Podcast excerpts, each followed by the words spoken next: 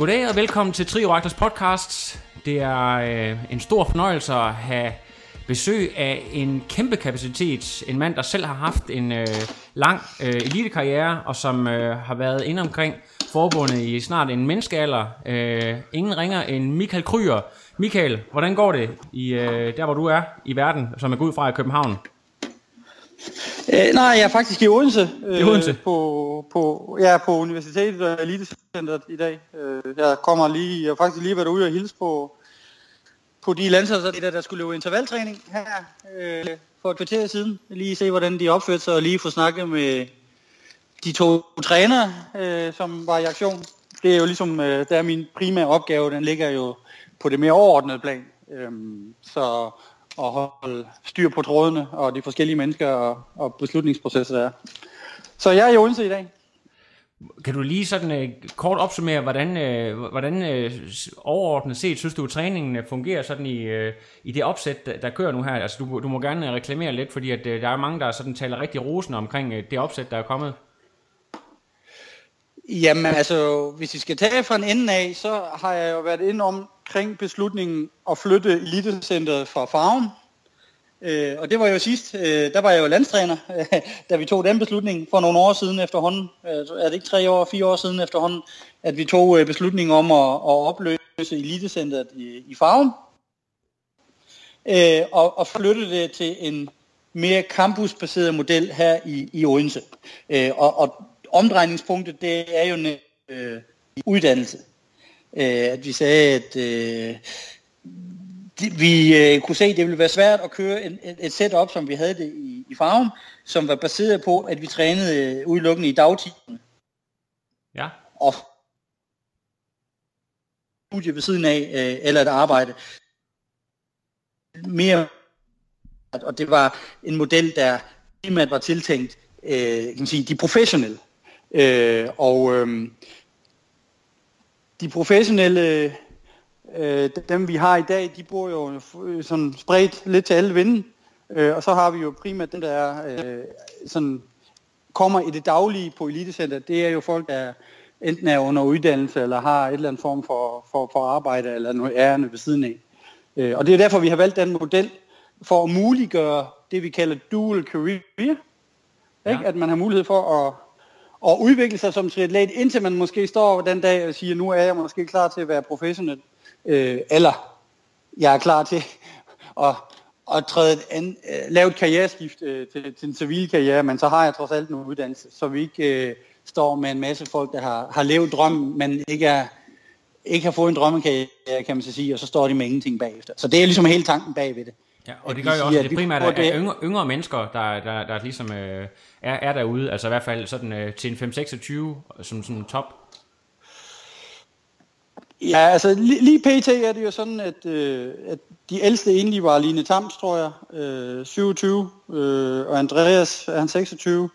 Øh, men nu er øh, Helle Frederiksen jo flyttet til Odense og træner med øh, primært i, i svømmetræningen, men hun benytter de faciliteter og cykler også med, med, med holdet. Så, så vi har der en, der er over på den anden side af 30 igen. Øh, og det skifter, men det er også hele meningen med setupet, det er jo, at det skal være fleksibelt, og det skal jo være sådan, at, at vi kan tilbyde de aktive noget, øh, som de måske ikke har andre steder. Øh, men, men det er jo et aktivt, øh, om det så passer ind i ens karriere, eller der, hvor man er. Øh, så vi prøver at være meget fleksible omkring det. Øh, vi har også haft øh, udlændinge, eller vi har jo to udlændinge gående øh, på piger, en fra Norge og en fra Island, hvor vi har sagt, at de er et godt supplement til truppen, og de kan bidrage til truppen med noget, fordi vi var i beknep af, at vi ikke havde særlig meget feminine øh, efter at Ditte har valgt at, en udenlandsk øh, træningsgruppe, og så kunne vi godt se, at vi kom i beknæb af piger, og det specielle omkring, at pigerne bliver også nødt til at have nogle piger. Altså hvis det kun bliver drenge, der løber rundt, så bliver det lidt for meget øh, drengerovsnak. Ja. Øh, så det er jo et aktivt valg, vi har truffet, og der har faktisk været flere søgninger fra udlandet, som vi har givet afslag efterhånden. Øh, så der kommer sådan øh, jævne mellemrum øh, udlændinge, og der kan også godt tænkes, der er nogen, der kun kommer i perioder, altså 14 dage, en måned, to måneder i gang, for ligesom at, og, og træne med, øh, og, og det har vi det rigtig fint med. Øh, det, det gør, at det bliver afvekslende for dem, der er i det daglige, og vi vil jo sigte efter, at alle har nogen at træne med øh, det meste af tiden, som man øh, kan komme igennem slidet, skal man sige, måske på en, på en lidt nemmere måde, end hvis man skal klare det selv. Så var det lige det sidste angående SDU og lige ting der, så øh, det, det, det kan, for, for mig kommer det til at lyde lidt som om, at det har lidt også model, ligesom nogle af de her udenlandske squads, at det er lidt, det, altså, lidt mere end det egentlig er et landshold, som du siger, at man egentlig er villig til at, at tage, tage folk ind, som ikke øh, repræsenterer Danmark, simpelthen bare for, at det er kvaliteten, der er, der er det primære. Jamen helt bestemt, det er det der er tanken. Altså vi har taget ved lære af øh, det, det, hvordan vi har haft det tidligere, men især også at se, hvad der har fungeret i, i udlandet. Altså hvor er det, at det fungerer godt, øh, og hvor er det, det fungerer mindre godt. Øh, og der kan man sådan helt overordnet se, at øh, de lande, som holder meget snævert på at sige, at vi har et elitecenter, eller et nationalt elitecenter, kun er de nationale elite der er, øh, eller måske endda kun landshold, de har i stor grad store udfordringer med øh, at få det til at fungere rent miljømæssigt. Øh, og, og det næste skridt er så, så får de også i stor grad problemer med at levere resultaterne. Altså tyskerne er et, et rigtig godt eksempel på det. Ja, de var jo øh, dårligt præsenteret ved OL jo, ja. Øh, ja, ikke kun OL i det hele taget. Øh, ja. Tag, tag et øh, landets størrelse i betragtning, så er det jo ren katastrofe, sådan som det gør. Ja. Øh, og og, og de, de træningsgrupper, som har leveret rigtig mange øh, gode resultater, det har jo været øh, øh, hos med London, og måske lige efter Darren Smith-gruppen, som jo var bygget netop, han var måske den første, der sådan helt hjertet gik ind i det, og så sagde, jamen jeg laver en international gruppe, men der er kun en fra hver land. Ja. Så en, en i hver køn fra hver land. Netop for at undgå alt det her fnid øh, og ballade, det er, at man slås øh, om de samme udtalelser til stævner, slås om de samme penge i funding videre. Al den del, den kommer man lidt udenom ved at sige, at vi har kun en for hver land. Ikke? Så er der ikke så meget øh, nidkærhed. Øh, og, og så kan man mere være træningskammerat, end man er ofte bliver konkurrenter i, i et rent nationalt system. Øh, det, der hvor forskellen fra os altid har ligget til alle andre, det, det er jo, at vi altid har, altså, så længe den tid jeg har været der, at der har været både langdistance og kort distance et og samme sted, og, et og, samme, og, vi, og vi, vi støtter den begge to. Ja. to og det er en fordel også. Så, så den del har vi jo ligesom bibeholdt og så sagt, jamen det vil vi fortsætte med.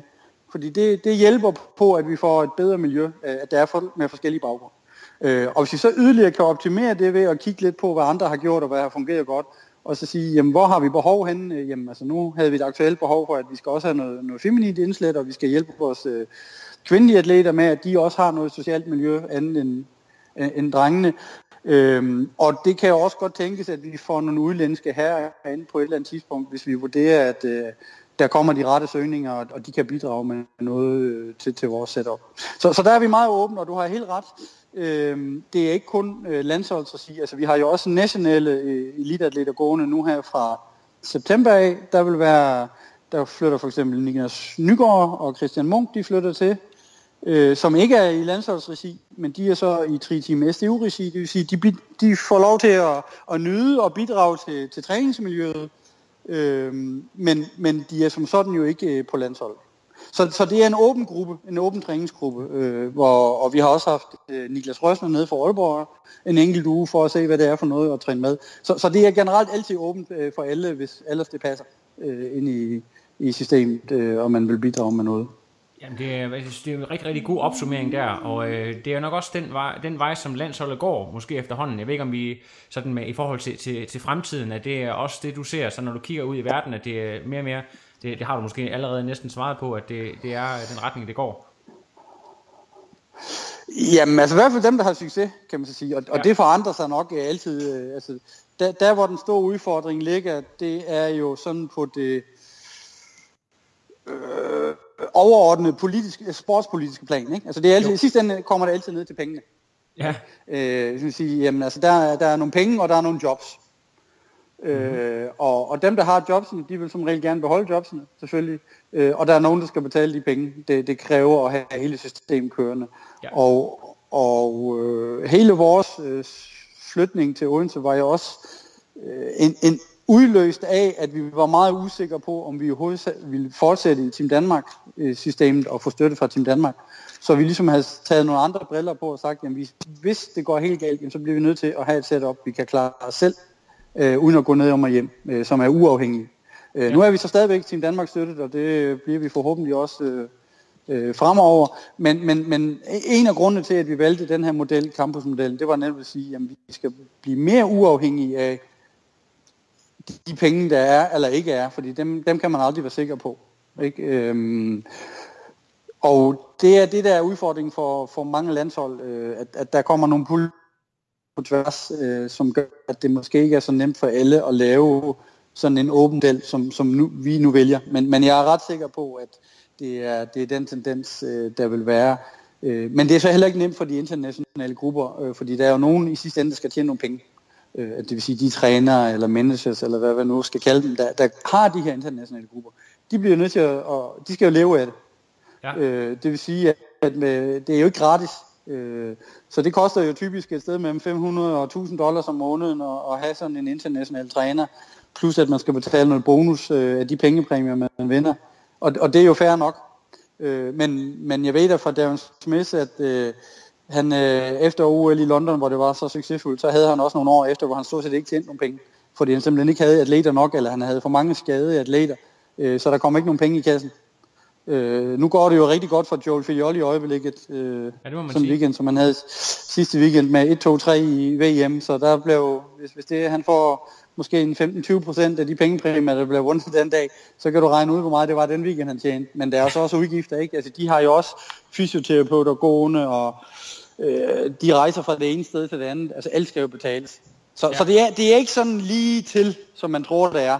Men vi prøver ligesom at finde den danske, eller vores model på det her, og lave en blanding. Altså, tag det bedste. Øh, fra, fra det vi kender, og fra det vi kan se, hvad der fungerer i udlandet, og så finde det, den rigtige, rigtige mixtur, Øh, og vi er sikkert ikke øh, noget helt, øh, altså gået hele vejen endnu, men, men vi er meget åbne for at, at prøve at finde den rigtige blanding, øh, både med, øh, med folk, der er på landsholdet, og folk, der ikke er på landsholdet osv. Fremragende. Michael, nu skal vi lige tale lidt, uh, lidt tilbage i tiden og snakke om din egen uh, sportslige karriere, fordi uh, tro det eller ej, sådan har du faktisk også haft. Og uh, vi, sådan, hvornår, uh, hvornår opdager du triathlon, og, og, og hvilken sport kommer du egentlig fra uh, før triathlon? Ja, altså jeg vil selv betragte mig til at være sådan en anden generations triatlet. Det vil sige, det er dem, der ikke fik startet i 80'erne. Jeg tror, jeg startede i 90. Kørte mit første stævne i 90. Og jeg har den øh, ære at tilhøre den gruppe på Facebook, der hedder De Første Triatleter i Danmark, som øh, omfatter licens nummer 01 til nummer 1000. Ja. Øhm, og, jeg, og jeg havde licens nummer 393 øh, i sin tid, da jeg startede. Ja. Øhm, så det, det er jo et udtryk for, hvor mange vi var på det tidspunkt. Øhm, men, men jeg har en helt anden baggrund øh, i at, at spille håndbold og fodbold og, og tennis. Så det er der, jeg kommer fra. Øh, dog uden den store succes. Og det, øh, og det er vel også årsagen til, at jeg, øh, jeg havnede der, hvor jeg havnede et sted, hvor man kunne få lov til at træne en masse, og man kunne skabe noget med, noget, med meget flid og, og mindre talent måske.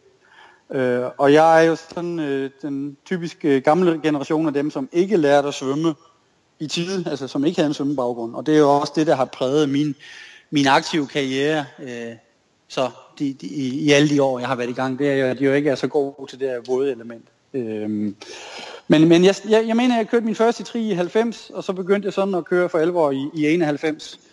Øhm, og var på landsholdet i årene, tror jeg, 96 til, til 98, øh, 99, så trak jeg stikket i 99, øh, da jeg fik tilbudt øh, job i forbundet som, som konsulent. Ja. Så, så det var min egentlige, det var min egentlige øh, trikarriere i de år. Øh, og, og som alle andre i 90'erne, så konkurrerede du på alle distancer, formoder jeg, både kort og lang og så videre. Jamen, jamen dengang var det jo ikke sådan helt så skarpt, eller, eller ikke så specialiseret, øh, som det er i dag. Ikke? Øhm, så, så for det første var der jo langt fra lige så mange stævner øh, at vælge imellem. Så hvis man ville køre nogle stævner, jamen, så måtte man ligesom køre det, der var. Øh, og, og det startede jo så typisk i, i maj måned med noget duatlon, og det sluttede også måske med noget duatlon i september, og, og kø i tri, øh, tror jeg lå i anden eller første weekend i september, og så var det ligesom slut. Øh, og, og der var jo mange skæve distancer, øh, så, så det specielle ved mig var jo så også, at jeg, jeg så valgte at læse i Tyskland, så jeg kom jo sådan set kun hjem til stævnerne, øh, til, til ja, det der, dengang hed det noget, der hed Data General Cup, og, og så var der selvfølgelig DM-stævnerne. Øh, så, så jeg fik kørt en masse i bil øh, fra, fra Køln, hvor jeg læste øh, til, til hjem til de hjemlige stævner. Så jeg var heller ikke så stor en del af, af det daglige øh, i sin tid. Øh, det blev jo først, da jeg flyttede hjem i, i, i 99, men jeg var jo med til landsholdssamlinger en gang imellem, og så, og så kørte jeg det hjemstævne primært. Ikke? Nu, Men, nu men som, som du ret, ret lidt siger, så, så var man ikke så specialiseret. Nej. Øhm, det skete måske, det, altså det der med specialisering, øh, det skete vel sådan for alvor op til OL i Sydney. Øhm, Ja. hvor, det ligesom blev tyd, hvor det ligesom blev meget tydeligt, at øh, på grund af e- regelændring med, at, der, at jeg tror to år før OL, så blev man klar over, at man måtte ligge på hjul øh, til, til OL. Øh, og så blev det ligesom mere, at jamen, så er man kort distancer, og det var meget tydeligt, så skal man altså kunne svømme, for ellers er man helt øh, håbløs. Øhm, og, og ellers så vælger man langdistance eller du eller et eller andet. Og, og, og duatlon var jo på det tidspunkt noget større, end det var, er i dag. Ja. Øh, så dengang var det jo en reel, en reel øh, karrieremulighed. Det er det jo ikke længere i dag, kan man sige. Nej. Altså ikke som professionel. Nej. Øhm. Øh, jeg kan ikke lade være at tænke på, når du nu øh, var bosiddende i Tyskland, lå du og træne med nogle af de store kanoner, nogle af Helrig eller nogle af de der, eller det var, de boede et helt andet sted, eller? Nej, men, ja, nej ikke, ikke, dem, du tænker på, at de helt store kanoner, altså Helrigel, Sæk, Leder og sådan noget, de var ikke, altså jeg boede jo i Køln, hvor jeg læste, øh, så, så den største kanon, jeg øh, trænede sammen med, det var, eller kanoner, bachelorspro, altså Olaf især, øh, som, som jeg også har delt øh, klub med. Øh, Ja. Og jeg har også øh, delt klub med Andreas Niedrich, som jo også var en stor kanon, og som jeg også blev træner for øh, Ja, på et tidspunkt. skal vi lige snakke om senere. ja. Ja. Men, øh, men nej, det har jeg ikke. Øh, Stefan Vukovic var også en gang med, det var nok mest, fordi han havde en kæreste på uni, så han kom forbi en gang imellem. Men det var nok ikke, fordi jeg fik, fordi jeg fik trænet så frygtelig meget med ham. Nej. Øh, så så der, der var rigtig meget selvtræning. Øh, men vi var mange, der trænede tri øh, på, på, på et rimelig højt niveau, men, men det var ikke så organiseret som i et... Altså det, er- det er sådan lidt som uni er, ikke? Altså det er lidt som, man laver en aftale fra dag til dag. Øh, Ja. Så Øh, Michael, du, når, du formår faktisk at blive dansk mester et år i, i 96. Kan du, kan du huske øh, konkurrencen og, sådan, og, og, og hvem du var op imod det år der? Ja, det, det, det kan man jo nu. Nu ikke, fordi jeg har vundet så, så frygtelig mange DM'er. Jeg har vundet øh, nogle stykker, men ikke så. Jeg har vundet tre, ikke? Øh, men, men 96, det husker jeg nu meget godt, fordi det, er- det var jo i Røde Kro. Øh, og og sådan meget tæt på min hjemstavn. Jeg, jeg er jo opvokset i Tinglev, så der er jo ikke mere end, end 15 km øh, Røde Kro, eller sådan noget, 16. Øh, og jeg havde faktisk været nede og se stævnet i Røde Kro, øh, dengang det var EM. Jeg kan ikke engang har det været måske i 89 eller sådan noget. Hvor det er rigtig, de rigtig gamle koryfæer, de kørte. Ja. Der stod jeg sådan en regnværsdag ude på Røde Kro øh, stadion, kan jeg huske, og tænkte, det der, det kan være, det er noget, du skal en, en dag. Øhm, så, så det var lidt specielt øh, at køre min... Det, det, altså, udover at jeg blev dansk... Jeg vandt ikke stævnen. Jeg blev faktisk nummer to i stævnen, fordi øh, den øh, norske landstræner, sportsdirektør Arild Tvaten, som, som er det i dag, han vandt faktisk stævnen. Øh, Så det skal jeg også have revanche for øh, en dag. Men øhm, så, så jeg blev nummer to, og man blev dansk mester. Øhm, øh, så, så det var ligesom, øh, det var specielt. Øh, og det var også den første rigtig gode jernmand, jeg kørte, altså i mine øjne, hvor jeg synes, at nu leverede jeg egentlig det, jeg synes, jeg egentlig burde kunne levere. Kan du huske, hvem, du slog Øh, det år? Hvem var det? Hvem kom Ja, med Morten Baden var vel med. Øh, Monique, han, øh, jeg ved ikke, om han var, jeg ved ikke, om han var, det var han nok ikke forsvarende dansk mester, men han havde også været dansk mester. Øh, altså Morten Baden var jo en af de langdistanceatleter i sin tid, og Per Nielsen var med. Så vidt jeg husker, så udgik han. Øh, øh, per Salomonsen, som også lige har fået comeback igen, kunne jeg se. Han, øh, tror, han kørte øh, København sidste år, og har kørt nogle stævner i år, øh, som var en af de hurtige svømmer. Øhm, men så, så der var der en, en øh, jeg ved ikke om øh, Simon Jensen også var med det år, det kan godt være. Øhm, så det igen at kigge på resultatlisten helt præcis, øh, og jeg har tænkt mig at faktisk at invitere til revanche øh, øh, næste år, når vi holder VM øh, på Fyn. Så må der være, at der må være tid til nogle revanche-matches øh, af forskellige DM'er fra, fra 90'erne, tænker Jeg jeg. håber, jeg Der må håber være at nogle folk tager op. og- Det kunne være stort. Kan du høre mig? Det, nu fik jeg ikke lige fat i, hvad du sagde. Jeg siger, jeg, siger Ja, jeg at øh, det, jeg håber, at, at folk de hører, hører, hvad du siger, og tager udfordringen op. Det kunne være virkelig sjovt at se, øh, se noget revanche. Ja, men det skal vi helt bestemt. Det er et spørgsmål, om folk de bider på den, ikke? Øh, Jo, jo, det, det jo. kommer an på, hvor mange der... der, der men øh, der, må, der kommer til at køre noget på Facebook her, når, når, når tilmeldingen åbner til VM til næste år. Så ja. må vi ud og have fat i nogle af de gamle og, og, og sætte lidt lille til den. De må men... komme af med vommen og, og få en ny cykel. Gamle mænd på nye cykler, ikke? ja, lige nøjagtigt. Øh, men Michael, den sjove krølle ved det her, det er, at øh, faktisk nogle af de bedste øh, resultater, du laver, det er faktisk efter, du er stoppet, hvor du er øh, rundet de 40. Øh, jeg mener at kunne huske, fordi jeg faktisk selv var dernede i 2008, blev du nummer to nede i Almere, og jeg mener det også, det er der, du løber noget 2.43, som faktisk var dansk rekord på et afsluttende maraton på det tidspunkt. Øh, er jeg korrekt, når jeg siger det? ikke om tiden er korrekt. Husk, jeg kan ikke huske øh, hvor hurtigt jeg løb. Hurtigt, lad os sige det sådan. Øh, men det der med rekorder, det er jo også sådan en sag, om, om ruten nu er korrekt opmålt. Jeg tvivler nu på, at det var 42 km, eller 42,2. Men, men det er det jo stort set heller ingen ruter, der er nu om dagen. Nej, lige præcis. Men, øh, men, men det, din, iagttagelse, men din iagttagelse er korrekt, at øh, jeg faktisk kørte bedre øh, resultater, øh, lad mig sige, øh, 10 år efter jeg var stoppet, øh, end da jeg egentlig var eliteaktiv. Øh, og og det, er, det er en korrekt observation, og den har jeg selvfølgelig også selv observeret, og, og tænkt meget over, hvorfor det er sådan. Og, og det skal ikke være tvivl om, at jeg var ikke i lige så god fysisk form, øh, da jeg var 41, 40 og 42, som da jeg var øh, 32 og 33.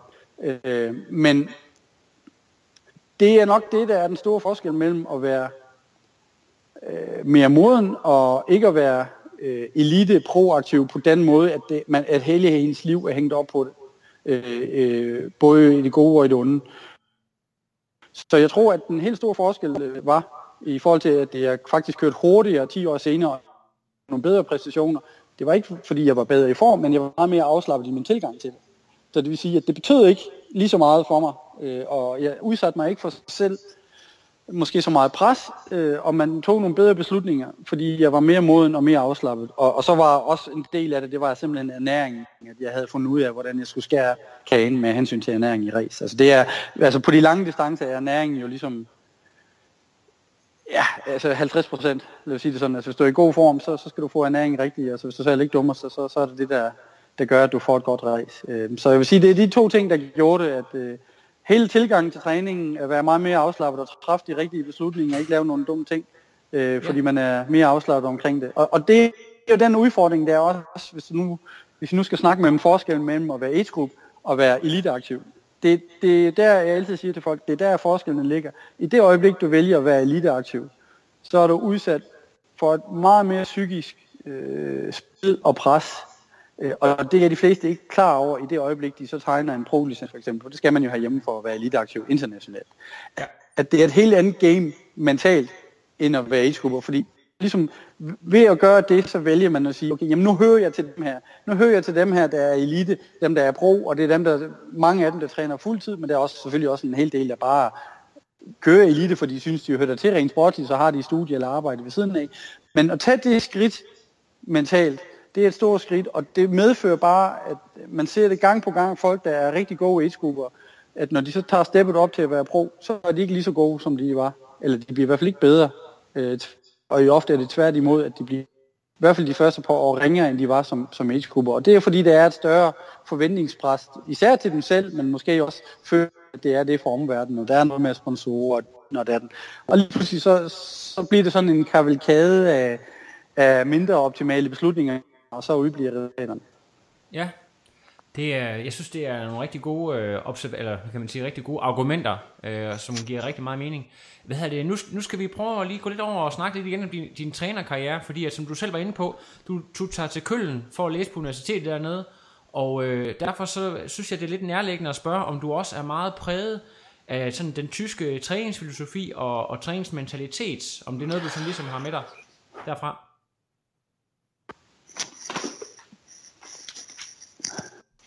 Ja, øhm, jamen det er da berettigt. Øhm, altså, når vi, når vi snakker tyskertræning, øh, som du nok også vil kalde det, så, så er det jo ligesom præget af forholdsvis stor volumen øh, med, med lav øh, og, øh, og, og det har jeg da selv også øh, gennemlevet, og jeg tror i perioder nok har været den, der har øh, trænet, i hvert fald løbet mest øh, af alle landsholdsatleterne. Øh, i, i, i Danmark, øhm, og har ligesom afprøvet det på, samme, på selv samme krop også. Men, men som træner er det jo ligesom, at man ligesom skal finde, altså man skal jo ligesom det, man, man, man de indtryk, man får undervejs, både som det gennem studiet, som jeg nu, det jeg blev opfostret med dernede, men også de egne erfaringer, man laver, og dem, man træner med, og, og se en anden kultur, fordi det, som du sagde, der var jo en anden kultur herhjemme, øh, både under Andreas, øh, som var landstræner, da jeg kom til først, og så var det Gaber senere øhm, som var mere præget af det her med AT. Ikke? Øh, altså, vi skulle have en hel del tid træning ved, ved AT, især på, på cykeldelen. Så, så det har været forskellige ting, øh, og så er det jo ligesom øh, trænerens opgave, eller hvad det er, at finde frem til måske den bedste blanding, og den bedste blanding, den, den ligger som, som regel jo i midten. Ikke? Altså det, ekstremerne er jo sjældent far, en farbar vej for særlig mange. Øh, så, så jeg vil sige, hvis, hvis det er min egen, altså jeg har ikke noget, som du kalder, nok vil kalde trænerfilosofi, men jeg har da gjort mig mange erfaringer, både med, med det ekstremt meget, men, men jeg vil sige, at det må jo være afhængig af analysen af den enkelte atlets forhold og træningshistorik, der gør, om man vælger den ene eller den anden tilgang. Og det kan være godt, at man starter med en tilgang til træning hos en atlet, og så erkender, at øh, der er en udvikling, som gør, at nu vælger man, en, en, man laver nogle forandringer undervejs. Altså det er sjældent, du vil opleve, jeg har jo haft øh, glæden af at have haft nogle atleter i, i rigtig mange år. Øh, altså op, jeg tror Rasmus Henning var jeg jo træner for i 10 år. Øhm, og så ser man jo også en udvikling, og, og man laver, man forandrer nogle ting fra år til år.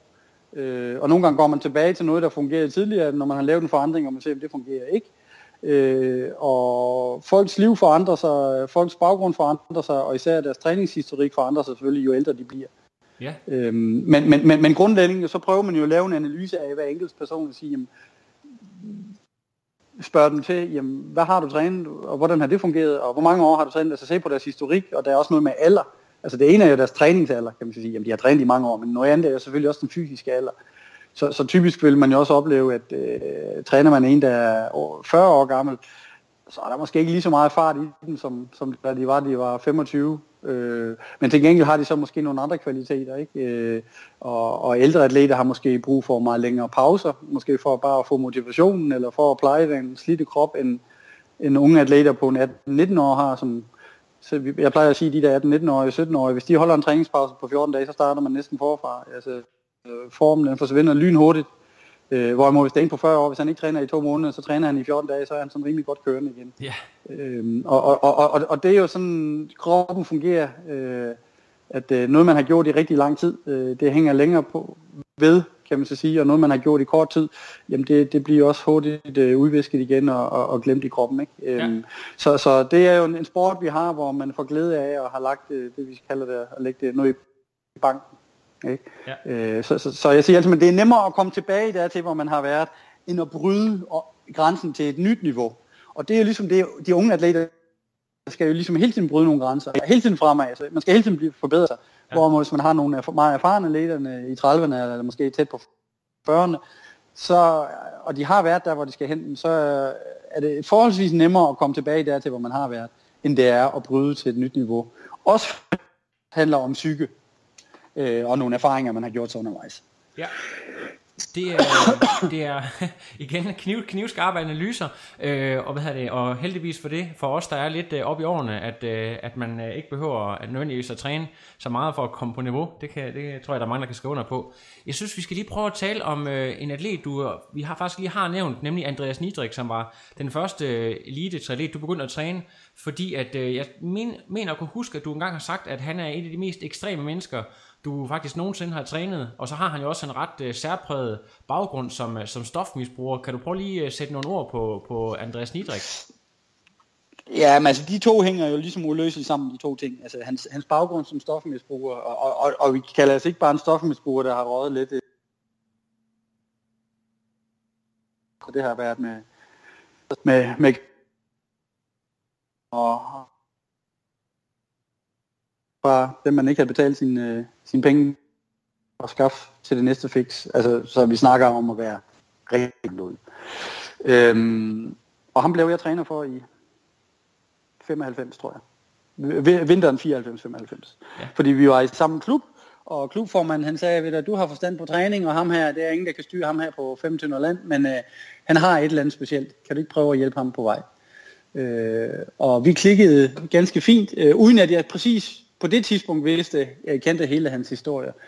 Øh, men, men ja, som du siger, han har været meget ekstrem altså, på, på den baggrund, han har haft, øh, med den livshistorie, han har haft, Men han har også været den, der er sådan rent træningsmæssigt, øh, noget af det mest ekstreme, eller måske det ekstremeste, jeg har set. Altså, og jeg tror, det hænger øh, lidt sammen, altså man kan måske drage nogle paralleller, paralleller til Lionel Sanders, øh, som har lidt den samme baggrund ja. øh, i dag.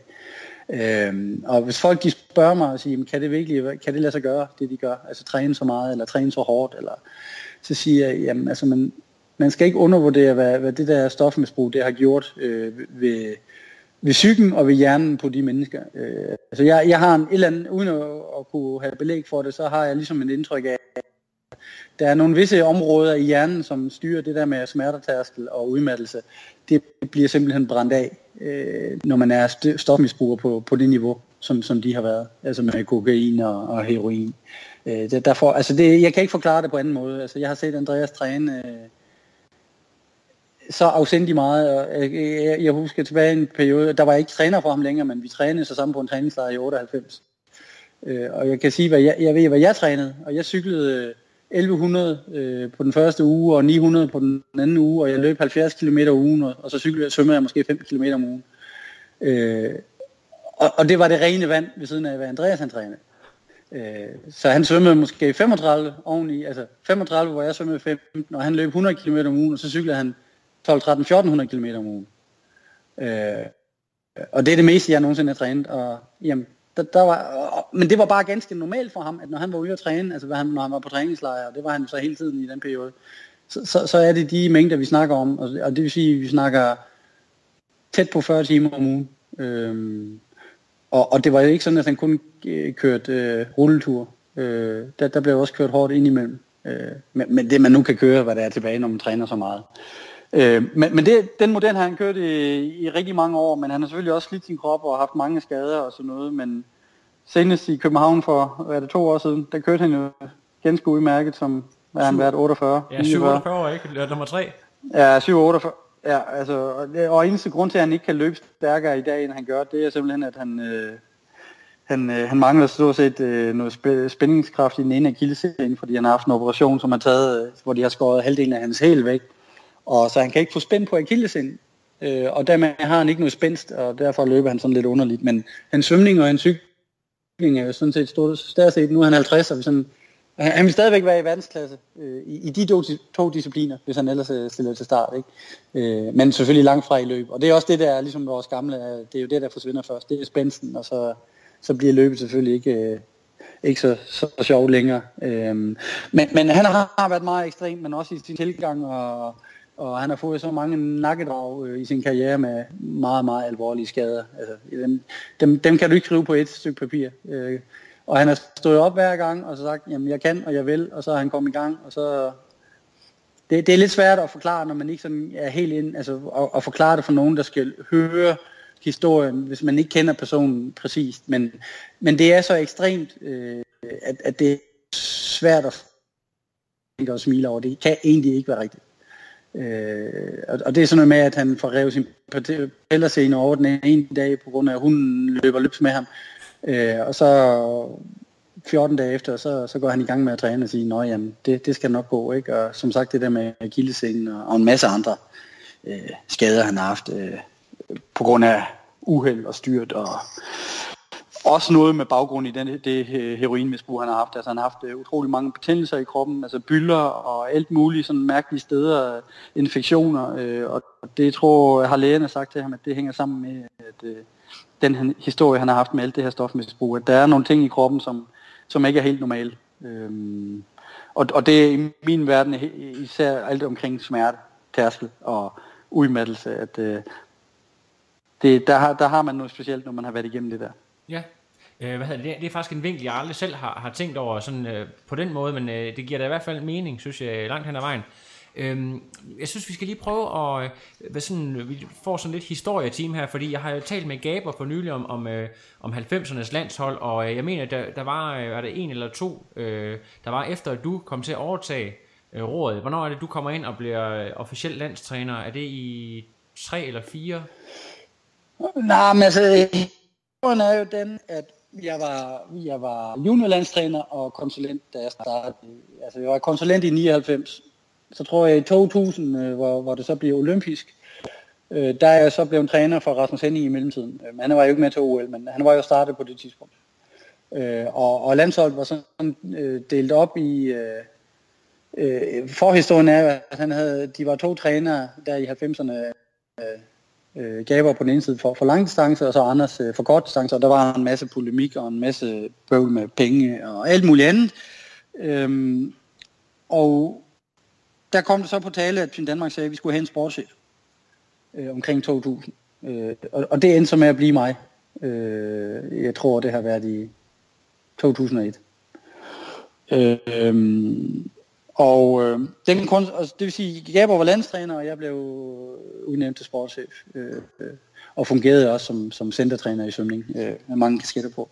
Men den, den konstellation holdt ikke længe, øh, fordi Gabor han valgte så at sige op, øh, fordi han var utilfreds øh, med konstellationen, og i det hele taget ikke følte, at han var bakket nok op af bestyrelsen, så vidt jeg husker. Øh, og det gjorde så, at vi stod uden landstræner. Øh, og det var, det var, her været oktober, det var da vi var til 2001. Jeg kan huske det. Jeg sad på et hotelværelse over i, i Florida sammen med Rasmus Henning, da jeg fik beskeden, øh, og vi var på vej til Cozumel. Så det må have været 2001. Øhm, og det betød så, at jeg overtog, øh, havde to kasketter på i en periode med, med både landstræner og sportschef. Øh, og så havde vi nogle svømmetræner ansat på, på centret, så til gengæld, øh, så jeg ikke skulle stå med den tjent. Øhm, og så ansatte vi Steffen Grose i 2003, eller jeg ansatte Steffen Grose i 2003 som landstræner. Men han holdt jo heller ikke øh, mere end et halvt år, så fyrede jeg ham igen øh, i april 2004.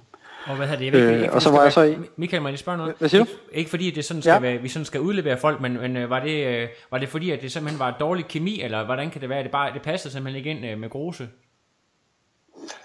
Ja, men det var altså, Steffens baggrund er at han er østtysker. Øhm, oh, ja. Og jeg vurderede på det tidspunkt, at øh, vi havde brug for noget nyt. Øh, øh, altså folk havde brug for at, at prøve noget andet. Altså vi havde jo ligesom fået, øh, eller vi, vi havde jo prøvet at arbejde videre ud fra det øh, setup, vi havde under Gaber. Med, altså vi havde et elitecenter, som jo så var rykket til, til Farum, og vi flyttede jo nogle gange inden for Farums bygrænse. Og vi havde prøvet at bygge videre på det system, der fungerede rigtig godt, altså med daglig træning i dagtimerne, og ja, der var cykling tre gange om ugen, og der var svømning fire-fem gange om ugen, og, og fællestræning. Øh, men så vurderede jeg også, at hvis vi skulle blive ved med at være gode eller blive bedre, så skulle der også nogle nye input til, og, og dem får man jo ofte udefra. Øhm, så jeg valgte at sige, at vi skal nok have en træner udefra for at, at skubbe lidt til folk. Øh, og, og, og så faldt øh, det vældig på Steffen. Øh, og, og det er ikke noget, vi, vi har fortrudt, øh, eller jeg har fortrudt sidenhen, øh, fordi det gav en masse indspark, og, og det blev jo netop som, ja, folk de fik, de, de fik øh, den medicin, som øh, Helrigel og Lothar Leder og Jørgen Sæk og hvad de alle hedder har fået øh, med Steffen Grose i sin tid da de kørte øh, stod kort, kort distance, og så gik over til lang distance. Øh, og det prøvede han jo så at, at, at indføre hos os, øh, med både Torbjørn og Jimmy og Kim Visby og, og hvem der var på det tidspunkt. Øh, men det kunne folk simpelthen ikke holde til. Øh, det var for, altså, for det første manglede der nok noget forståelse for, for folks øh, situation, at de ikke var professionelle, eller de færreste var.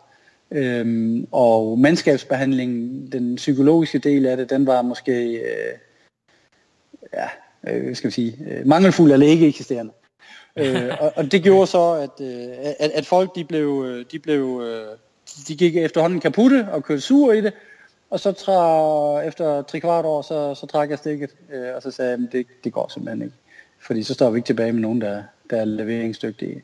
Så jeg trak stikket i april 2004 inden OL. Øh, og måtte meddele Steffen, at det, det kommer ikke til at fungere på den måde. Øh, og så, ja, altså det, det, var, det er ikke at ved nogen, altså det, var, det var sådan, det var rent historisk. Øh, men, men, men det gode ved det var, at folk de fik set noget helt andet. Ikke? At det var træning fra morgen til aften, og, og mere er bedre. Øh, og, og der var ikke så meget nørseri, og der var ikke noget tudfjæs så, så fik man en møgfald i stedet for. Ja. Øhm, så, så, det, så det var, på den måde var det sundt at se. Øh, ikke at det var godt på den måde, men det var sundt at se, at tingene også kan være lidt anderledes end den danske model. Øh, og, og det er jo de input, man tager med til ligesom at udvikle og sige, jamen, hvad er det, vi kan bruge af det her, vi har set, og hvad er det, vi så absolut ikke kan bruge, og hvad er det, vi ikke skal. Øh, og, og det er jo ligesom træningen, altså både i som, som en atlet og som træner, men også som overordnet, som sportschef, eller hvis man er ansvarlig for et miljø, så er det jo ligesom, handler det jo ligesom hele tiden om at udvikle tingene for at kunne holde trit. Fordi det bliver jo sådan, at, at konkurrencen, øh, det er det jo ingen tvivl om. Konkurrencen bliver jo større og større hele tiden. Øh, og, og det er jo meget sværere i dag at, at, at, at lave en toppræstation, end det var for 10 år siden, eller det var for 20 år siden, fordi det bare er, er mange flere ombudet. Ikke? Øh, så, så der skal ligesom mere til. Øh, og, og snakker jo altid om, at medaljerne de bliver bare dyrere fra år til år, ikke? fordi bare budet er meget langt større. Der er langt flere lande, der byder ind. Øh, der er atleter i alle verdens lande. Men i 98, der tror jeg, der var der måske 6 eller 7 jernmandstævner verden over. Ikke? Ja. Øh, der, der var Rot, og der var Australien, og der var Canada, og der var Hawaii, øh, og New Zealand. Måske var Lanzarote lige startet, det kan jeg ikke huske. Øh, det var det nok. Øh, ja. så, så, så det var det, der var. Altså meget mere var der ikke. Øh, og nu om dagen, så er der måske, det ved jeg ikke, hvor mange der er, 50 eller et eller andet sindssygt antal. Ikke? Øhm, så, så det er bare for at demonstrere den udvikling, der har været. Øh, både antal øh, eliteatleter, men også øh, antal stævner, kan man så sige. Kan, kan man, vil det være forkert det, at sige, så, Michael, vil det være forkert at sige, at det, det der sker, hvad hedder det, at man har gaber, som er en type træner, og så kommer der gruse, som at de er sådan hver deres, deres pol, og så, så kommer du ind, og sådan, og, og sådan er, er sådan median mellem de to, der kommer ind, øh, træning, træningsfilosofisk, eller kan man sige Ja, det kan man godt sige, men, men, men, men, men det sjove var Gaber, altså Gaber han var jo meget, øh, kørt rigtig meget AT med, med, med dem, der var i sin tid. Men hvis du ser Gaber, nu har du jo interviewet ham lige, ja. øh, og, jeg, og jeg ved jo, hvad, jeg følger sådan lidt med i, hvad, jeg ved, hvad Gaber han selv trænede, da han var aktiv. Øh, for jeg faktisk svømmede en del med ham, da jeg, inden jeg overhovedet sådan rigtig kom i gang. Øh, Øh, og hvordan han træner i dag, øh, så er det jo, kan man sige, han træner ekstremt meget selv. Altså han, han, han har kørt ekstremt store mængder. Øh, men han valgte en anden model som træner. Altså sige, den medicin, jeg giver mig selv, den giver jeg ikke til de aktive. Øh, han kørte jo meget med, med træningsanalyse. Han var en af de første, som virkelig går meget op i det her med træningsanalyse på, på Polars dagbog, hvor det ligesom er i dag med Training Peaks, at, at man giver det en score, øh, det man kalder en trimscore. Eller, altså, en, et, et, et, et minut øh, træning giver et eller andet score, alt efter hvad, intensitet, hvad intensiteten er. Ikke? Og så havde Gaber fundet frem til en model, hvor han siger, jamen, jeg kan ikke lige huske tallet, men jeg tror, det var omkring 800. Altså, det, de fleste de kunne klare 800 point på en uge, øh, på den måde, de trænede på, hvor det var med, med to eller tre AT-pas om ugen på en cykel. Øh, øh, øh, og hvor jeg ligesom havde den holdning, jamen altså, du kan træne langt flere point på en uge, men det kræver så bare, at du så bliver nødt til at træne mindre intensivt. Så der er ligesom to veje til at, at gøre tingene, og, og det er bare, jo mere man træner, jo mindre hårdt kan man træne, ikke? og jo mindre man træner, jo hårdt, mere hårdt kan man træne. Og så må man ligesom finde ud af, jamen, hvornår skal vi gøre det ene, og hvornår skal vi gøre det andet, og generelt, hvad skal der til for at udvikle folk over lang tid. Øh, og det kan man jo diskutere frem og tilbage øh, fra, fra, fra nu til juleaften. Øh, og, og det må jo altid være en individuel beslutning øh, og vurdering af den enkelte atlets baggrund og, og hvor vi skal hen. Men, men, men jeg vil sige, hvis du nu kigger på det der med tyskerne, så kan man så sige, at der er også store forskel i Tyskland i dag. Der er den ene del af dem, som kører det der mere traditionelle med rigtig store mængder, og så er der måske dem, der træner under altså som Kienle, Bøcherer, Clavel, som træner forholdsvis uh, intensivt faktisk, uh, og ikke træner sindssygt store mængder. Ja. Så, så det er også sådan en model, som, som ligger lidt imellem, ikke? Uh, som hverken er ekstrem til den ene side eller til den anden side. Øh, men men dermed, altså, jeg, jeg, vil, jeg vil aldrig lægge mig fast på at sige, at det skal være sådan eller sådan. Altså, det må jeg altid sige. Man må, man må have forskellige værktøjer i kassen, og så alt efter hvilken situation man er i, så er der måske perioder, hvor man siger, nu vælger vi den her model og ser, hvordan det virker. Og hvis det virker godt, jamen, så fortsætter man at udvide den model, eller sætter nogle krøller på. Og hvis den ikke virker, jamen, så skifter vi modellen. Altså, det, det, det, der, er ikke noget videnskabeligt belæg for, at det skal være sådan eller sådan. Altså, det der tro, at træning det er videnskab, det, øh, det er en fis i en hornlygte i min mening. Altså nu arbejder jeg jo på universitetet og laver i verden, men, men altså, jeg siger også til de studerende, at der er ikke meget videnskabeligt belæg for noget som helst. Altså, det handler meget om uh, trial and error og, og erfaring. Ikke? Øh, og, og det er også det, der gør, at ældre atleter jo ofte har en fordel, fordi de bare har en meget rig erfaring og en stor erfaringsbaggrund, så de ved, hvad, hvad kommer til at virke, og hvad er en god beslutning, og hvad er en mindre god beslutning. Okay. Men øh, nu, nu er vi ved at tale om, om øh, sådan, øh, træningsteorier og den slags der, så har jeg faktisk et lytterspørgsmål, der går ud på noget, der hedder ja. kraft, kraftafstaver interval, som er noget, jeg mener, at du udsætter ja. langt de fleste af dine intervaller for. Kan du ikke prøve at fortælle, hvad er kraftafstaver, og hvorfor er det sådan en, øh, en øh, key øh, point i, di, i dine træningsprogrammer? Jamen altså, det, det er især til langdistance øh, atleterne. Øhm, altså and endurance hedder det så på engelsk, øh, og, og det kommer, ja, som så meget kommer det fra det østtyske, og der har ikke sagt, at det er godt, fordi den baggrund, de har lavet tingene på, det er jo i høj grad på, øh, på doping, øh, meget af det, de har lavet, øh, de erfaringer, de har lavet sig. Men, men fordelen ved det østtyske system var, at der var en træner for hver atlet, øh, så man kunne også følge ligesom man havde mulighed for at følge op på tingene i nogle regneark og finde ud af, hvad der virkede og hvad der ikke virkede. Så hvis vi nu ser bortset fra det der med doping. Men, men, men østtyskernes teori omkring det, det var, at det var noget med, at man, man kunne øh, forbedre effektiviteten af mitokondriernes øh, blodtilførsel øh, ved at lave det der. Øh, at det kom til at, de kom til at ligge yderligere i selve musklen, så de fik en bedre forsyning. Om det så holder eller ej, det er lige meget, men det, det, er i hvert fald, det var deres tilgang til det. Men, men, men, men erfaringen har været, at for cykelrytterne, det, det virker bare. Og der, den, hvorfor jeg bruger det, det er, fordi jeg mener, at når man kører med en meget lav kadence, så bliver det jo sådan, at man skal jo, altså man kører med x antal watt, og hvis du kører med en lavere kadence, så er den styrke, du lægger i det enkelte tråd, er jo større, end hvis du kører med en høj kadence. Øh, og det gør så, at du rekrutterer nogle af de lidt hurtigere muskelfiber, som du ellers ikke ville rekruttere øh, ved den intensitet.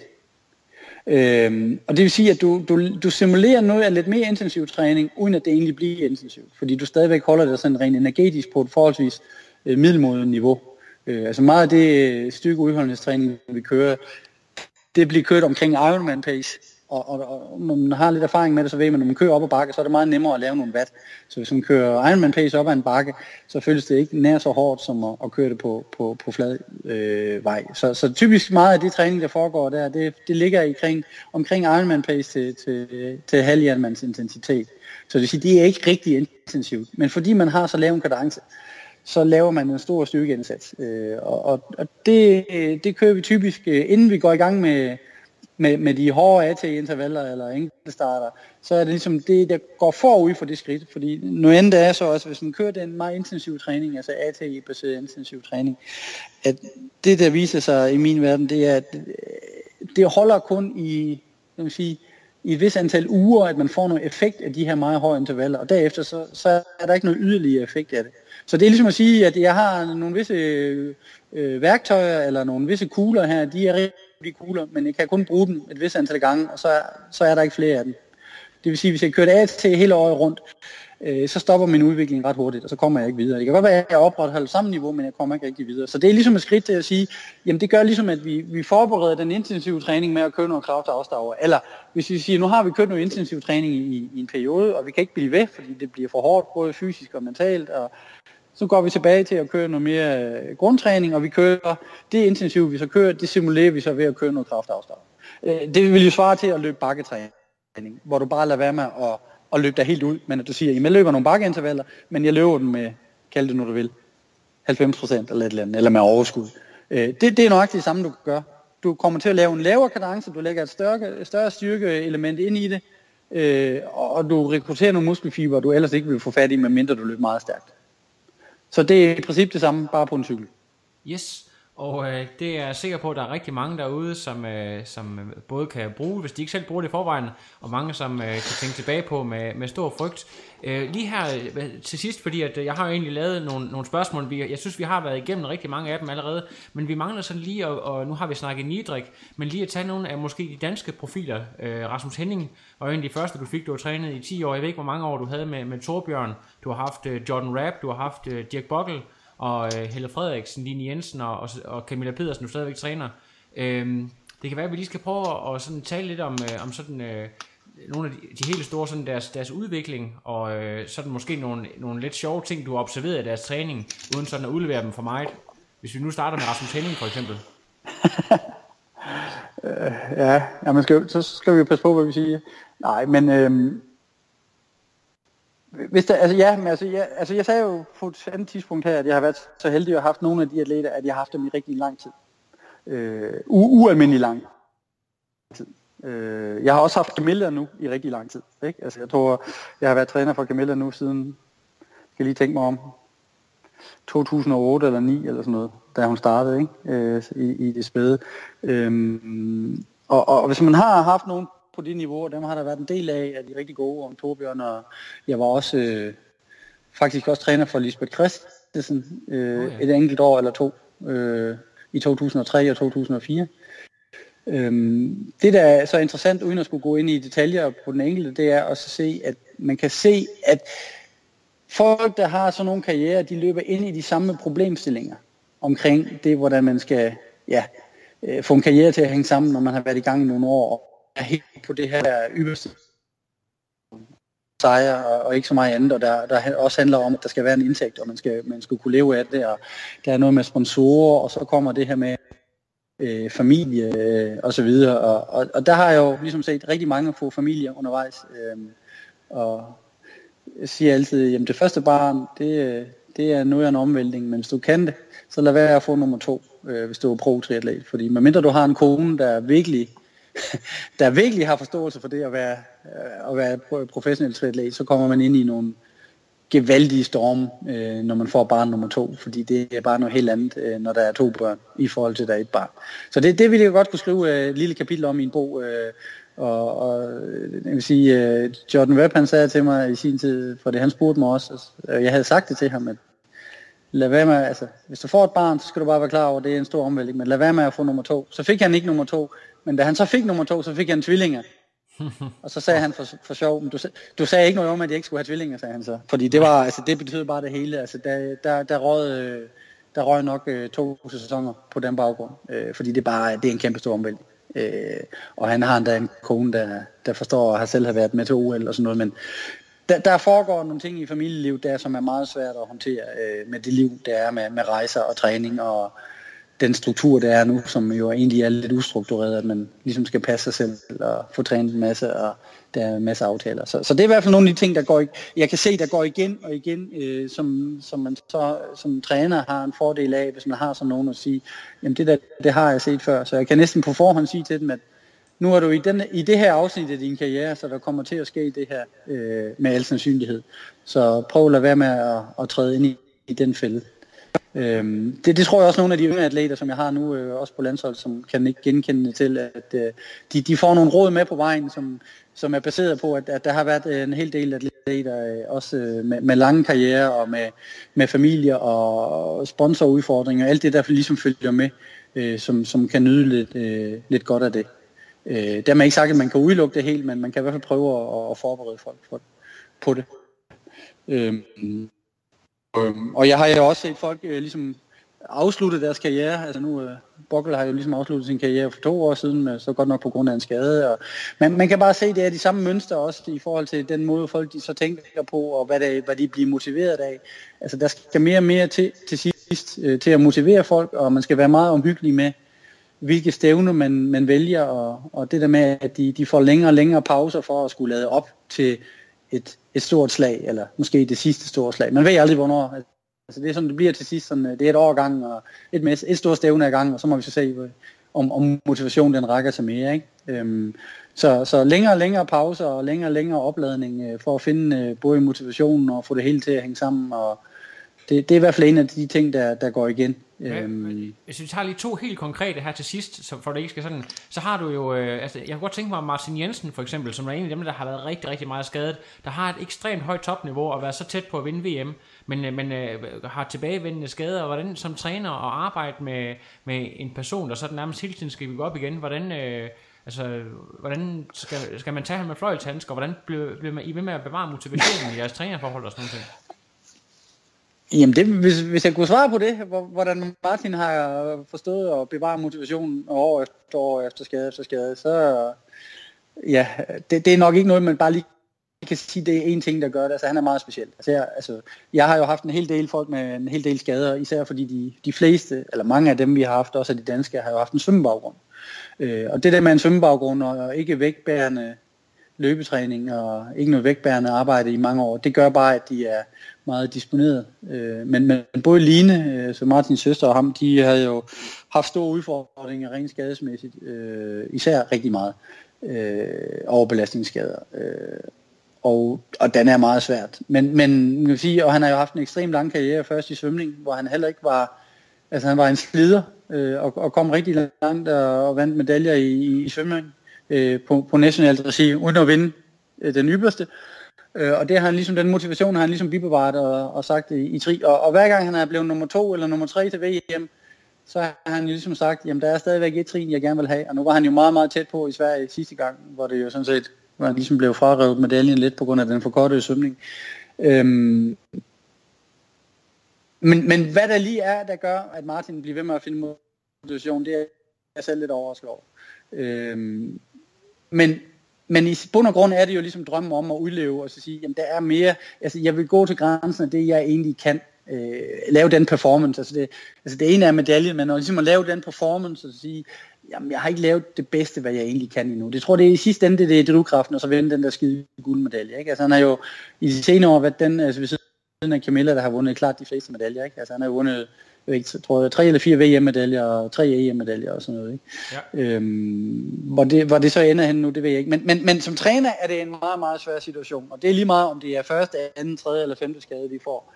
Øh, fordi øh, typisk er jo det, at øh, skaderne ofte er så hårde, at de simpelthen må bakke af i træning, eller slet ikke træne, nogle gange i flere måneder. Og det gør så også typisk, at man ikke har så tæt kontakt til den aktive. Øh, og den aktive har det meget hårdt psykisk, øh, fordi man er jo ligesom ikke med. Altså man er ikke med i lejen, ikke? Altså det er ligesom en voksen leg, ikke? Men, men man står bare udenfor, man kan ikke lege med. Øh, og, og det er surt, når man ikke kan lege med, hvis det er det, man egentlig gerne vil.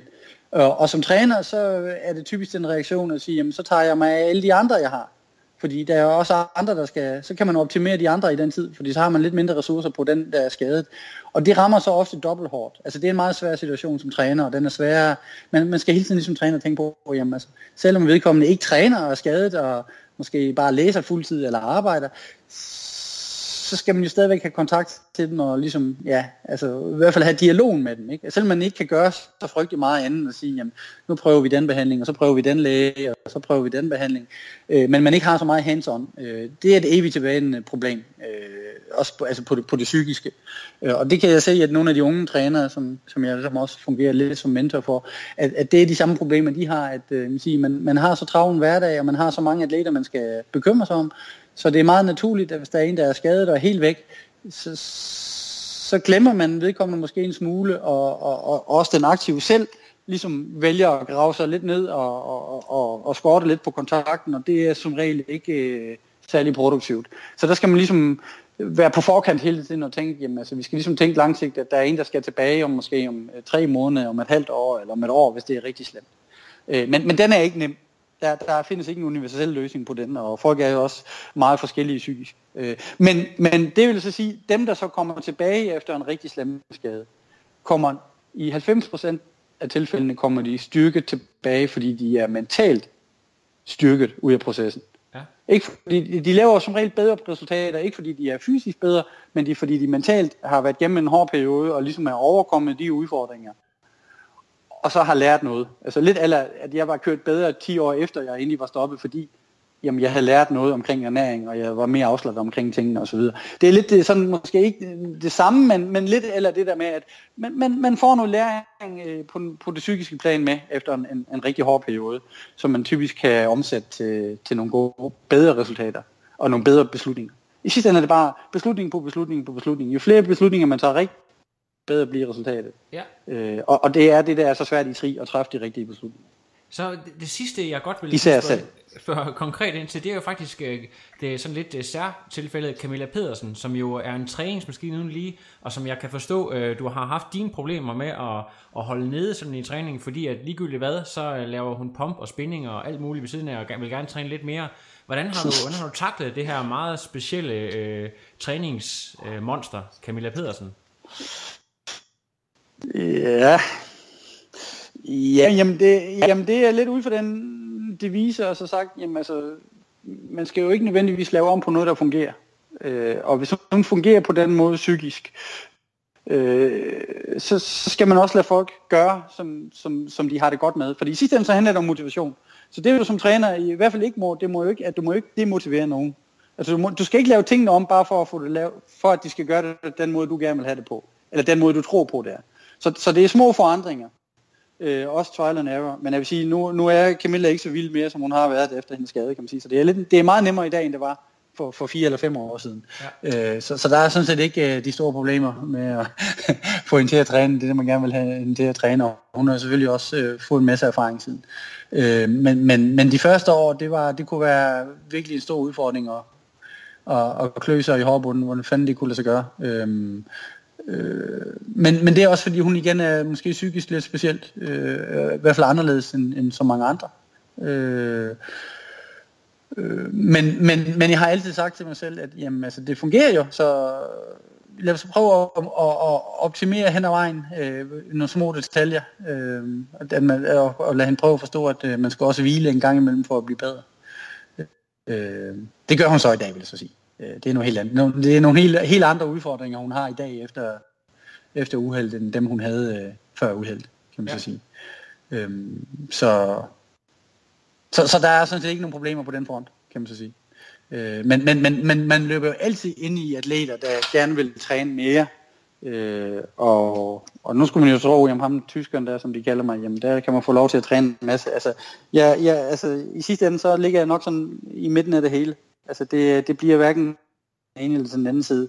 Fordi min erfaring bare viser, at det, øh, hvis vi laver noget ekstremt, så kan det godt være, at det har en psykisk øh, god effekt, fordi folk de så tror på, at de kan et eller andet. Men, men rent fysisk, øh, så, så er det sjældent en god idé at, at gå over gevind, kan man så sige. Ikke?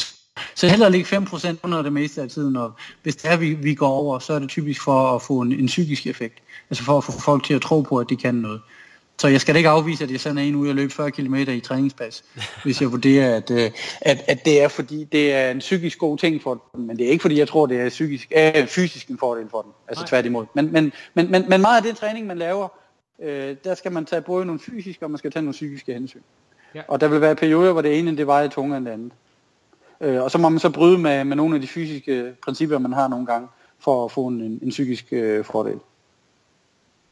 Super. Øh, jeg tror, nu har jeg simpelthen øh, løbet tør for spørgsmål. Det tog også øh, kun lidt over en time at komme igennem dem alle sammen. Men her til sidst, der har jeg noget, som ikke er øh, trænings- eller tri-relateret. Jeg ved nemlig, du er meget stor fan af ACDC. Og øh, jeg, ja. har det sådan, at alle, hvad det, alle dem, jeg har interviewet, jeg prøver at finde noget musik, som, som passer til dem, eller sådan noget, men du, du kan lige øh, sige dit favoritnummer med ACDC, så skal jeg se, om jeg kan finde det og lægge det ind over øh, som lydspor.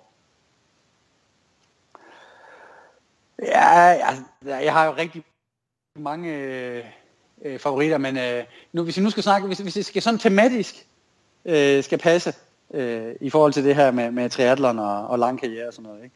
Så, øh, så må det nok være It's a long way to top of rock and roll. Det er ikke sådan It's a long way to the top of et eller andet hedder den. Øh, eller, eller så må det være Highway to Hell. Det, det, altså, hvis det er Janman, så er det jo Highway to Hell, ikke? øh, eller, eller hvis det så ikke skal være ACDC, så må det være Stairway to Heaven for Led Zeppelin. Åh oh, ja, okay, godt. Men jeg prøver lige at, at mixe andet sammen. Michael, jeg ved, du er en travl mand, og øh, hvad ja. det, stor respekt for øh, dit arbejde gennem alle de år, og jeg håber, at øh, jeg ser dig ude på øh, ja, et stævneplads et eller andet sted øh, snart, og øh, tusind tak, fordi du vil tage dig tid til at forklare sig grundigt om, om dit arbejde og ja, din karriere.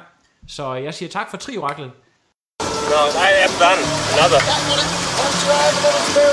But now it's, I'm done. I have no power.